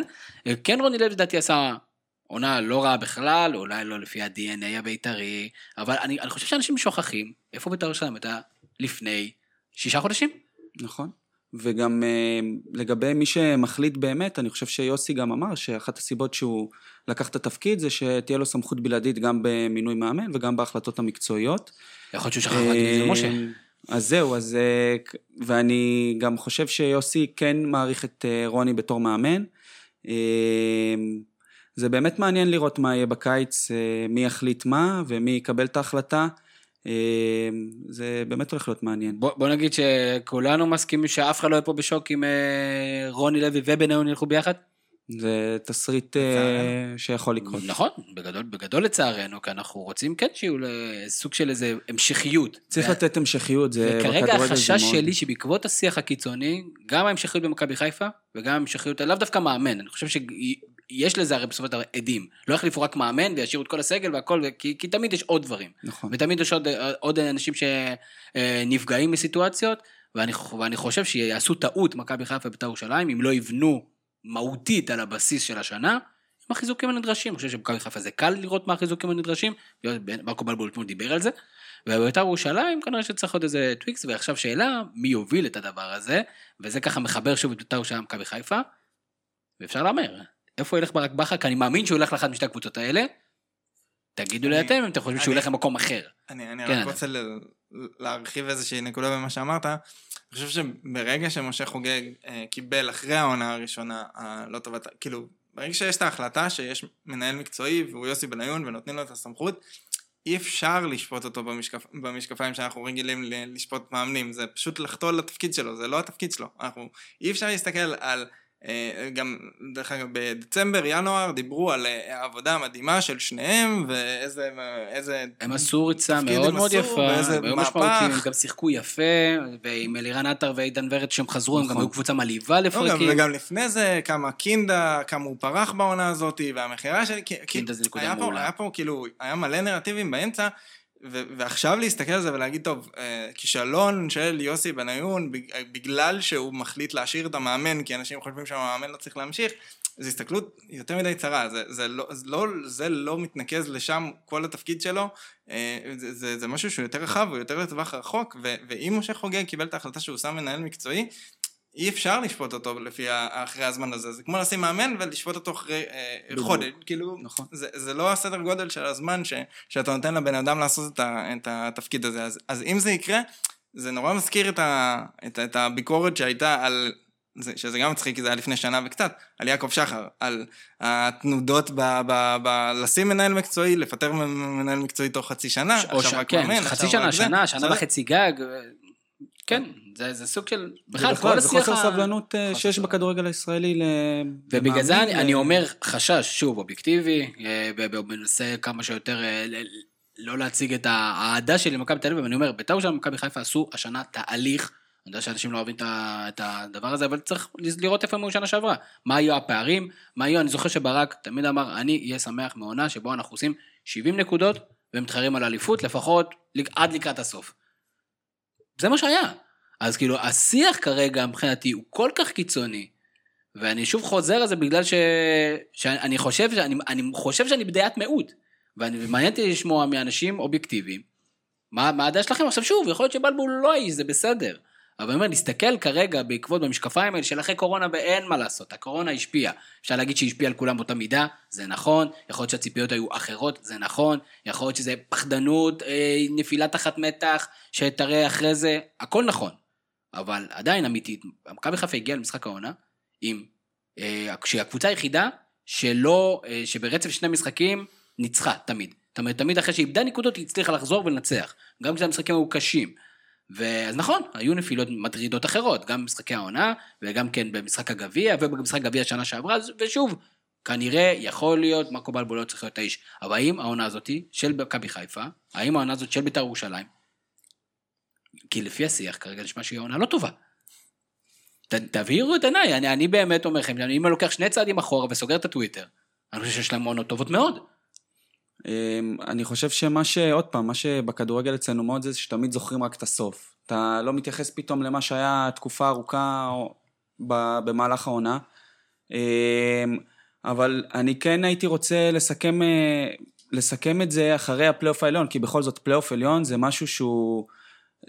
זה סוג של money time, ברור שהסיכוי לאליפות הוא לא גבוה, אבל בכל זאת, נגיד במקרה של בית"ר, זה, זה כן אה, איזשהו אה, מדד, לראות איך הקבוצה מתמודדת במשחקים אה, מול קבוצות ב-level שלה, לאורך זמן, בטח עכשיו שזה בתקופה קצרה. וגם מכבי חיפה, צריך לחכות עם הסיכומים. זה לא נראה טוב בתחילת הפלייאוף הזה, אבל זה עוד מוקדם לקבוע. ואז מה יגידו? יגידו, אה, כשזה היה עשרה הפרש, הם התחילו לשחק, ו... ו... והוא נגוע. אני, אני לגמרי מסכים, ואני חושב שעצם זה שהביקורת על בלבול היא על מה שהיא עכשיו, זה קרדיט לבלבול. כלומר, אנחנו רגילים ש... שמאמני מכבי חיפה מאבדים את מה שבלבול איבד עכשיו בשלב הרבה יותר מוקדם ש... של העונה, ועכשיו כבר מדברים על זה שברגעי האמת שהוא הוביל להגיע לשם, הוא נכשל, והוא באמת עשה דברים שהם טעויות, כן? כאילו... גם בדיעבד וגם לא בדיעבד, הרבה אנשים מרימים את הדגלים על ההרכבים ועל ההחלטות שלו גם בזמן אמת, זה לא שאין ביקורת, יש ביקורת והיא מוצדקת, אבל היה תהליך בשביל להגיע למצב הזה של בכלל להיות אה, מרחק אה, שתי נקודות ממכבי תל אביב שהיא עושה תיקו ואז גם לעשות תיקו. אתה צריך להיות שם בשביל שזה בכלל יהיה משנה, מרוב הפעמים זה לא. אה, אני חושב שאצל בלבול הוא כאילו ייצר סוג של מצב כזה שזה מרגיש כאילו כל ההצלחה היא הצלחה של כאילו לא צריך אותו הרבה. הוא הצליח לייצב הרכב, והוא רץ עם הרכב רצוף בשיטה ובאיזשהו משהו שזה מרגיש כאילו, זה לא כמו איביץ' שעונה שעברה, שכל משחק יש איזו התחכמות שנראית מה הוא עשה וזה, וזה פתאום מצליח, אז הנה הקרדיט על, על איביץ', אלא זה יחסית אותו הרכב עם השחקנים המובילים, ששבוע אחרי שבוע משחקים בצורה יחסית דומה, וזה עובד. ואז כשאי אפשר להשתמש באותם כלים כמו מה שהיה לו במשחק נגד הפועל תל אביב, או אם מרגישים שזה, או שזה בפעם שזה לא מצליח, אז זה פתאום, רגע, למה לא עשית את האקסטרה? למה לא נתת את המעבר של, הנה, היינו צריכים מאמן ולא עשית. וזה זה, זה, זה כאילו, זה נכון ולא נכון, כי כאילו, הוא הוביל לזה שזה בכלל היה חשוב, והוא מצא את ההרכב הזה שהצליח לרוץ ואת, ואת השיטה הזאת ש, שעבדה כל כך טוב לאורך כל הליגה. ונכון, גם הוא לא עשה את ההחלטות הנכונות, או במשחקים מסוימים אה, הייתה נפילה. אני חושב שזה קל בגלל שהחזות אה, שלו היא, היא פחות כריזמטית, ואני חושב שבסופו של דבר משוועים לכך שמאמן יהיה סוג של איזה הצגה, מציג, אה, סוחף גם כן מבחינה חיצונית וורבלית. ואני חושב שמאוד קל להיטפל אליו. עכשיו שוב, נכון כנראה זה בצדק, פעם ברק אמר, הוא אמר, תמיד במחצית השנייה אנחנו יותר טובים, כי אז הוא מתקן את השטויות שהוא עשה בהרכב. ובסדר, זה כנראה גם נכון, אבל יש דינמיקה למשחק, ו- וזה לא, ובעבר, שחקנים טובים מאוד של מכבי חיפה היו בהרכב, והם לא מצליחים להשיג את אותן תוצאות. זאת אומרת, אנשים שהיו עושים את הכל לפי הספר, לא הצליחו במכבי חיפה. זאת אומרת, יש פה איזה משהו, אלמנט שהוא חייב לקבל עליו קרדיט, ברמה המנטלית. היכולת של מכבי חיפה להגיע עד השלב הזה, ולהיות אה, שחקנית, מה שהיא לא הייתה בשמונה שנים האחרונות, הוא קריטי, בעיניי. כן, אני חושב שזה גם לא רק מנטלית, זה גם מקצועית, כאילו מכבי חיפה התקפית ומבחינת... אבל אני חושב שהבעיה בעבר לא היה שלא היו שחקנים טובים. כי כל ינואר באו ויעקב שחר כן שם כסף, וכן הביא את אלירן עטר, וכן הביא את שכטר, וכל השחקנים שהיום אנחנו מסתכלים, נכון, הוא הצליח לחבר השנה, הוא הצליח להעמיד קבוצה שהיא... ולא בטוח שרוני לוי היה מצליח לו בזמנו, או מאמן אחר היה מצליח להוציא משרי מה שהוא הצליח, או זכות, איך שהוא בנה אותו לאט לאט בהתחלה, או שלא יודע, או שיכול להיות ששועה נכנס ועושה כן את הבלאגן ש... חוששים שהוא כן, שהוא יעשה, אני לא יודע. בוא, בוא נגיד ככה, כולנו, כמה שאנחנו מעריכים את הכישרון העצום של ירדן שואה, שהוא על המגרש, כולנו ככה מתנועעים כזה ב... מה הוא עושה, בואנה איזה גאון הוא, ומה יהיה עם התנועות ידיים האלה, ולמה הוא צועק על כל, כל שחקן אחרי שהוא לא מקבל כדור, ו... כאילו כולנו נמצאים בסקאלה הזאת, רק לנו יש יותר קל, כי אנחנו יכולים לטעות. והוא שם באימונים, ואני חושב שעושים קצת עוול למרקו בלבול, הרבה דברים הוא עושה על עצמו, אולי גם כן. בוא נדבר קצת על הפועל באר שבע, עומר. אה, הפועל באר שבע, איך מגיע למשחק הגביע? יוסי אבוקסיס בונה את זה, כי יוסי אבוקסיס מאמן גביע טיפוסי, זהו, בדיוק. באתי להגיד שיוסי אבוקסיס הוא מאמן גביע, ואני חושב שלמשחק הגביע הם, הם יגיעו מוכנים. הם יגיעו מוכנים, ו... הוא גם פוגש קבוצה שהוא מכיר. כן, מכיר אה, ככה ככה. כן, שלום שלום כזה. כן. אה, יש מצב שהוא מכיר אותם יותר טוב מהמאמן הנוכחי שלהם, מאלישע. אני בטוח בזה, ואני חושב שדווקא שזה משחק כזה, שזה גם משחק גביע וגם משחק אה, נגד האקסיט, אז אה, דווקא למשחק הזה, הפועל באר שבע תגיע מאוד מוכנה, ומאוד יודעת מה היא צריכה לעשות בשביל להשיג את התוצאה, בשביל לעלות שלב. בסוף לא הסתכלו גם על איך הם שיחקו ומה מה היה, הם צריכים לבוא להשיג תוצאה, את הכרטיס אה, לגמר. ודווקא מכל המשחקים של הפועל באר שבע, אני דווקא חושב שלמשחק אה, הזה, כאילו, אני, אני חושב שהם יבואו אחרת. והגישה מאוד יכול שונה. להיות, אחד מהדברים שיהיו אחרת, זה שהפועל באר שבע תבוא כפבוריטית, ובוא בוא נדבר על זה קצת ברמה הטקטית, אדם, כי הנה, לדוגמה, כשאתה משחק נגד בית"ר ירושלים בטדי, אז יותר קל, כי בית"ר ירושלים יצאו קדימה, ואז אתה יכול להיות יותר טוב להגיע להרבה מצבים, ואיתמר ניצן, יקירנו, באמת הצליח להציל כמה פעמים את, אה, את בית"ר ירושלים, נתן משחק נהדר, ופתאום כשתשחק נגד הפועל חיפה, כשאתה פבוריט, אז פתאום אתה נראה רע. עכשיו יכול להיות שזה שיקולי אה, כושר ועניינים, הכל בסדר, אבל אחת הטענות הכי גדולות ליוסי אבוקסיס, שהוא לא מצליח להוכיח את עצמו עד היום, וזה אחד מהדברים שהוא יוצא לעשות בבאר שבע, כפבוריט. איך אתה רואה את הדברים? אמ, א- א- אני לא חושב שזה משהו מוחלט על אבוקסיס, אני כן מסכים שבהפועל באר שבע הוא עוד לא מצא את הנוסחה של איך לשחק טוב בתור קבוצה דומיננטית, גם לפני הקורונה, אה, המשחק האחרון שהיה לנו בלי קהל, היה משחק אה, בגביע נגד מכבי חיפה, שבדיוק היה שני משחקים אה, רצופים, אה, הפועל באר שבע נגד מכבי חיפה, שבליגה אה, הפועל באר שבע יחסית באה לשחק כזה, וזה לא הלך. ואז... כמה זה, 4-0 זה היה? כן. כן. ו- ואז במשחק גביע יוסי אבוקסיס, זה היה כאילו, כאילו הוא עשה את זה בכוונה בשביל שהוא לא יהיה פייבוריט. יוכל להרשות לעצמו במשחק גביע לשנות את התוכנית משחק, ובעבר לשלושה בלמים, ועבר לתוכנית שהיא הרבה יותר מותאמת למכבי חיפה, ובאמת שם, אם נחזור לנושא הקודם, בלבול לא עשה את ההתאמות כמו ש- ש- שהיה צריך, והוא ממש מצא את ה... אבוקסיס ממש עשה משחק מאוד יפה, זה לא, זה לא היה רק הגנתי, זה גם היה, התוכנית יציאה להתקפות מעבר הייתה יפה, ובכלל מי מתקיף מי מגן לאורך כל המשחק, והניצול של ההגנה של חיפה וכל מיני דברים, עשה באמת דברים יפים. ו- ופה נגד בני יהודה זה באמת יהיה מעניין איך הוא יצליח לייצר את הסיטואציה שהוא יכול להיות זה שמנצל נקודות תורפה ולא זה שמנצלים אצלו נקודות תורפה. אמ, זה, זה באמת הולך להיות משחק מעניין, דווקא אני חושב שיהיה משחק די כאילו קשה לצפייה כזה מאוד uh, מהוסס של שני הצדדים. כזה אני- אבוקסיס כזה, משחק אבוקסיסי טוב כזה, אתה אומר. כן, מאוד כאילו, אני לא, אם הייתי אוהד הפועל באר שבע לא הייתי מגיע רגוע למשחק הזה, לא הייתי סומך על זה שבגלל לא. שאבוקסיס... אה, לא, הוא- רגוע בטוח. בוא נגיד, לא- גם לא אם- אבוקסיס הוא מאמן גביע טיפוסי, בני יהודה היא קבוצת גביע, הפכה להיות קבוצת גביע טיפוסית, ואלישע לוי הוא הוא לא פראייר, אולי אנשים אה, יותר מעריכים, פחות מעריכים, הוא כן היה במעמדים כאלה, והוא כן אה, הגיע לגמרים, אני זוכר גמר אחד ספציפי שהוא הגיע אליו, ו... ולקח אליפויות, כך שבאמת אני קצת מצפה למשחק, למשחקי הגביע, כשבמשחק השני, אה, אתה יודע מה, יהיה מעניין לבוא לראות את הפועל תל אביב מגיעה כפבוריטית נגד מכבי פתח תקווה. אותה מכבי פתח תקווה שכשבאו אליה הפבוריטית בית"ר ירושלים, הצליחה להפתיע אותם. אני יודע, זה היה מזמן, לפני כמה חודשים טובים. אה, עומר, תספר לנו קצת על גביע, תחושה של גביע, אתה יודע, זה, זה לחץ אחר. אה, כן, גביע, אתה יודע שזה משחק של להיות או לחדול, בהרגשה אתה גם, באמת, יש בה תמיד איזושהי הססנות בתחילת משחק, כזה משהו לא מוסבר, שאתה אומר, אני מפחד לעשות את הטעות ראשון, ואז שאני אצטרך לרדוף אחרי הקבוצה במידה והיא תבקיע גול. אה, משהו מאוד מיוחד, וזה באמת מעניין אה, איך זה יהיה גם בלי קהל. זה כי האמוציות של גביע זה משהו ש... משהו רגעי, משהו של משחק אחד. העניין הזה של לעלות שלב זה, זה משהו שהסיפוק הסיפוק מיידי.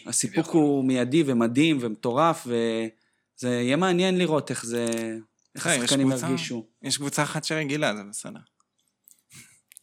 בצד השני, נגד הפועל תל אביב. כן, כן. אף אחד לא הבין, לא? לא, לא, לא, לא, לא, לא, לא. אמרתי אולי יש כאן איזה טריק, אני לא יודע, איזה טריק, משהו שאני צריך, איזה- אוקיי, כן, נכון. אה, דרך אגב, גיא לוזון יודע להכין אה, קבוצות ברמה הטקטית מאוד טוב, ולא לא יהיו חיים קלים. הוא לא, הוא לא יעשה חיים קלים, גיא לוזון. יש שם קו מעניין. תראו, גיא לוזון כמה עם ההשמצות שלו והכל, בבית שלו הוא- הוא- הוא בדרך כלל בסדר, ויש לו קבוצה טובה, בוא נדבר קצת על מכבי פתח תקווה, אדם, בתור אוהד הפועל פתח תקווה, תספר לנו קצת על מכבי פתח תקווה, כי יש הרבה שלא זוכרים, שיש שם סגל ישראלי ברמה גבוהה. כן, יש סגל ישראלי מאוד טוב, הם שמו שם לא מעט כסף על הסגל הישראלי. בסוף גם, אם חושבים על זה, אז כמות הזרים שישחקו בהפועל תל אביב ומכבי פתח תקווה היא בערך די דומה. אותו דבר. כן. כאילו, זה- אין- אין פער גדול. אה, באמת יש להם, יש להם שחקנים טובים, הם משחקים לידור כהן, דור חוגי, אה, חדידה שהיה בהפועל חיפה. שחקני ליגת. העל, לגיטימיים. שחקני ליגת העל לחלוטין. אה, תומר לוי, טוויטו שהיה בנתניה, ממש כל הסגל שלהם היה העונה שעברה בליגת העל והעונה משחק ב- יש את. החלוץ, שעכשיו ברח לי השם שלו. טייב אריבו. טייב אריבו, כן. סבבה. וליאל עבדה שהוא פרוספקט באמת מדהים, ובמשחק הזה שהם מגיעים ויש שטח שבלאומית יש לו פחות, הוא שחקן מהיר בצורה קיצונית, הם, הם באמת, לא הם יכולים להיות יריב שקול לחלוטין. ל- אני להפועל. אני אני חושב שהם עולים. מקווה שלא. זה הצהרה. אני חושב, כי, כי, כי שוב, זה, זה שונה מללכת ולשחק יותר נסוג. נכון שלהפועל תל אביב יש יותר איכות, זאת אומרת, השחקנים הישראלים הבכירים של הפועל תל אביב הם באמת שחקנים על הנייר כביכול, גם בכושר יותר טוב וגם שחקנים שעברו הם יותר מנוסים, אבל אה, מכבי פתח תקווה אין להם מה להפסיד. נכון? זה, המשחק והם כנראה היחיד ינוחו יותר טוב לפני המשחק הזה. לא, המשחק, ה- הנה, הם משחקים ממש ביום חמישי, שיחקו חצי, בקושי משחקים שחקני הרכב בליגה הלאומית עכשיו. טוב, לקראת סיום, בואו תגידו לנו איך הולך להיראות שאר הפלייאוף. יש לנו שמונה משחקים, מה הולך להיות? אני רק אגיד לכם את הנתונים, בואו נדבר שנייה על הפלייאוף העליון, ואחרי זה קצת נגזול לפלייאוף התחתון. עומר, אה, מכבי תל אביב אנחנו מכירים, מכבי חיפה עם 58 נקודות, כרגע זה לא נראה בעקבות זה שבית"ר ירושלים לא צוברת נקודות, אז זה, זה נראה אה, מספיק, אבל משם זה מתחיל להסתבר, בית"ר ירושלים עם 50 נקודות, באר שבע עם 46, הפועל תל אביב עם 44, יש מצב שבית"ר ירושלים לא תצא במקום שלישי? וואו, זה, אני לא, אם היית שואל אותי את זה לפני הפלייאוף, לא הייתי אומר דבר כזה אז לא בחיים. הייתי שואל אותך, אבל ו- לפני הפלייאוף, זה בדיוק העניין. אני חושב ש... אני חושב שהמקום לא מובטח בכלל, אני חושב ש... ארבע הפועל- נקודות. כן, ואני דווקא חושב שהפועל תל אביב הפכה להיות אה, די פייבוריטית אה, לקרב על המקום הזה. אני חושב שאם הפועל תודח, כפי שאני מהמר, בחצי גמר הגביע, אז תהיה שם איזה נפלט מתח בסופו של דבר. כי ראינו אצלנו בליגה, מי שלא צריך את הנקודות, לא משיג אותם. זה סוג של איזה, איזה חוק. אה, אדם, תן לי קצת אה, לתחתית. אה, לא דיברנו על זה קצת יותר, מדי, גם לא היו יותר מדי משחקים, וגם יש יותר מדי קבוצות שבאמת אין להם על מה לשחק. ויש שלוש קבוצות, ושם זה קצת די מעניין. הפועל רעננה עם לחמן, 16 נקודות, אחרי שמפסד אכזרי ביותר, הפסידו השבוע לאשדוד, עם, עם שלומי אזולאי. יש לנו פה יותר מדי אינטרסים, לא, אנחנו לא יכולים. וסקסר נס ציונה, שאיך ברק אומר, לא יאומן שהקבוצה הזאת עדיין בליגה. כאילו חשבנו שהיא תרד כאילו במהלך הליגה, יקראו אותה, אבל היא לא, היא שם, עם כל הכבוד. ועם אותו מספר נקודות כמו עירוני קריית שמונה, ותתן לי הימור. בהנחה וכפר סבא... זהו, לא בטוח שגם כפר אה, סבא מחוץ נכון, לעניין. אף אחד לא יודע, אבל בוא נגיד, במחזור האחרון הם הוכיחו שהם אה, לא יודע אם יעשו את הריצה הזאת. כי אם אתה מוביל 2-0 ואתה מפסיד או עושה 2-2, יכול להיות שאתה תסתפק בלהשיג נקודה אחת יותר מהיריבה שלך. אבל כאילו על הנייר, עירוני קריית שמונה אמורה לקחת את זה. אתה מסתכל על הסגל השחקנים שלהם, יש להם סגל שחקנים טוב. אם זה נחמיאס בעמדת הבלם, אם זה מוחמד שקר, אם זה אסמאעיל ריאן, יש שם שחקנים בעיניי טובים. אה, על, על הנייר זה נכון, למרות שגם, כאילו, ככל שהתקדמה העונה, אתה מסתכל על ההרכב והוא נראה לא כזה טוב, לא כזה מרשים. זה כאילו- תמיד ככה, אחרי קבוצות מפסידות, אתה אומר, "אה, מי זה השחקן הזה? מי זה הפיוון הזה? זה- שיח כזה. כן. לא, הם, הם, הם גם, הם קבוצה יחסית צעירה, אה, שזה מעניין, קבוצה צעירה בסיטואציה הזאת, במאבק תחתית, הרבה שחקנים בהגנה, אורי דהן, מורגן, יש לנו שחקנים יחסית צעירים, והשחקנים הוותיקים יותר, הם, הם לא, לא מתעלים, לא מושכים איתם קדימה. כלומר, באמת, כמו שאתה אומר, אסמאעיל ריאן, אה, אחמד עבד, שמי זכר שהוא שם, עוד פעם. אה, שחקנים כאלה שהם באמת, הם לא מתעלים, ועוד משהו, הם לא, לא כל כך פגעו שם בזרים העונה. זה כאילו עונה כל כך שלא הולך כזה, הם לא מצליחים לייצר רצף, לא מצליחים לנצח. אמ, זה כאילו, מה שאמרת היה אמור לקרות כבר מזמן. וכשאתה כבר ממש כל כך עמוק בזה, יש מצב שזה פשוט דווקא בגלל שזה, אתה אומר, טוב, זה צריך לקרות משחק הבא, אני, אני יותר טוב, אני, אני יותר טוב, אני זה, ובסוף הם, הם דווקא בגלל זה הם יפלו, כי הם... ראינו קבוצות כאלה. בדיוק, הפועל כפר סבא... רציתי להגיד לך הפועל כפר סבא. חיכיתי שתגיד הפועל כפר סבא, אבל זו הייתה הדוגמה הכי, אבל אנחנו לא יודעים מה היה הכי כשר שם, אנחנו לא יודעים. עזוב, אל תכניס אותנו לעניינים האלה. אה, עומר ורד, כיף גדול שבאת, ונתן לנו קצת מהתובנות. מה- מהדשא, תמיד כיף. מהשטח, כי תשמע, אין לנו מושג, ואתה אשכרה היית בדרבי ללא קהל. כאילו, אם היינו יודעים את זה, היינו, אתה יודע, היינו מדברים על זה קודם. זה קפץ לי גם. בדרך לפה ש... זה, זה, זה מטורף. כי אני, אני חייב להגיד ברמה האישית שלי, וכמובן שהייתי, לא יודע אם הייתי ספקן בתשע הפרש, אבל לא חשבתי שזה גמור בתשע הפרש, ופתאום ב-12 אז כמובן שנוחות הרבה יותר גדולה, אבל אפילו בעקבות זה שאין קהל, ואתה אתה רואה שאפילו השחקנים חוגגים פחות. זה לא היה טירוף. כאילו שאתה רץ ונכנס לתוך היציע, וכאילו, אין מה לעשות, זה יש משהו יותר מאופק. כאילו, החשיבות היא אותה חשיבות, אבל יש משהו יותר מאופק. ו... אז ת- תודה רבה שבאת, ותמשיך, אנחנו נמשיך לשמוע ממך כדי להבין כן, את התובנות. האלה. לגמרי, אני אשמח. אדם רוזנטל, הפועל פתח תקווה לא תעלה ליגה. אה, אז זה טוב, זה אומר שאתה לא, לא תהיה פסול אה, לפרשן את אה, משחקי הפועל פתח תקווה. יש לך עוד איזה נתון שמעניין אותנו ככה, אתה יודע, לקראת סיום? אז תאסוף לנו כאן למטה, תראה לנו פה למטה. כרגיל, כל מה שאתם שומעים והאיכות שאתם שומעים היא של ברק קורן, שיגיב בזמנו ובזמן ובמקום שיינתן לו, רק תפסיקו להטריל. ובואו, בואו, אה, אני אקרא מפה לשיח, לפחות האנשים הבוגרים, אה, אם אתם ילדים אה, בני 15 באינסטגרם, אז סבבה. אבל אם אתם אנשים בוגרים, שרוצים לשמוע שיח מכבד, אז תזכרו שיש גם אוהדים מקהל ממקומות אחרים, אני רוצה לראות גם את הצדדים שלהם. זה אולי איזה מסר מפייס למי שהצליח להגיע עד עכשיו. זהו, אני הייתי תמיר זוארץ, שיהיה לכם המשך, ערב נהדר. יש לי פודקאסט, מה זה פודקאסט? זה כמו חדשות. יש לי פודקאסט, מה זה פודקאסט? זה כמו חדשות.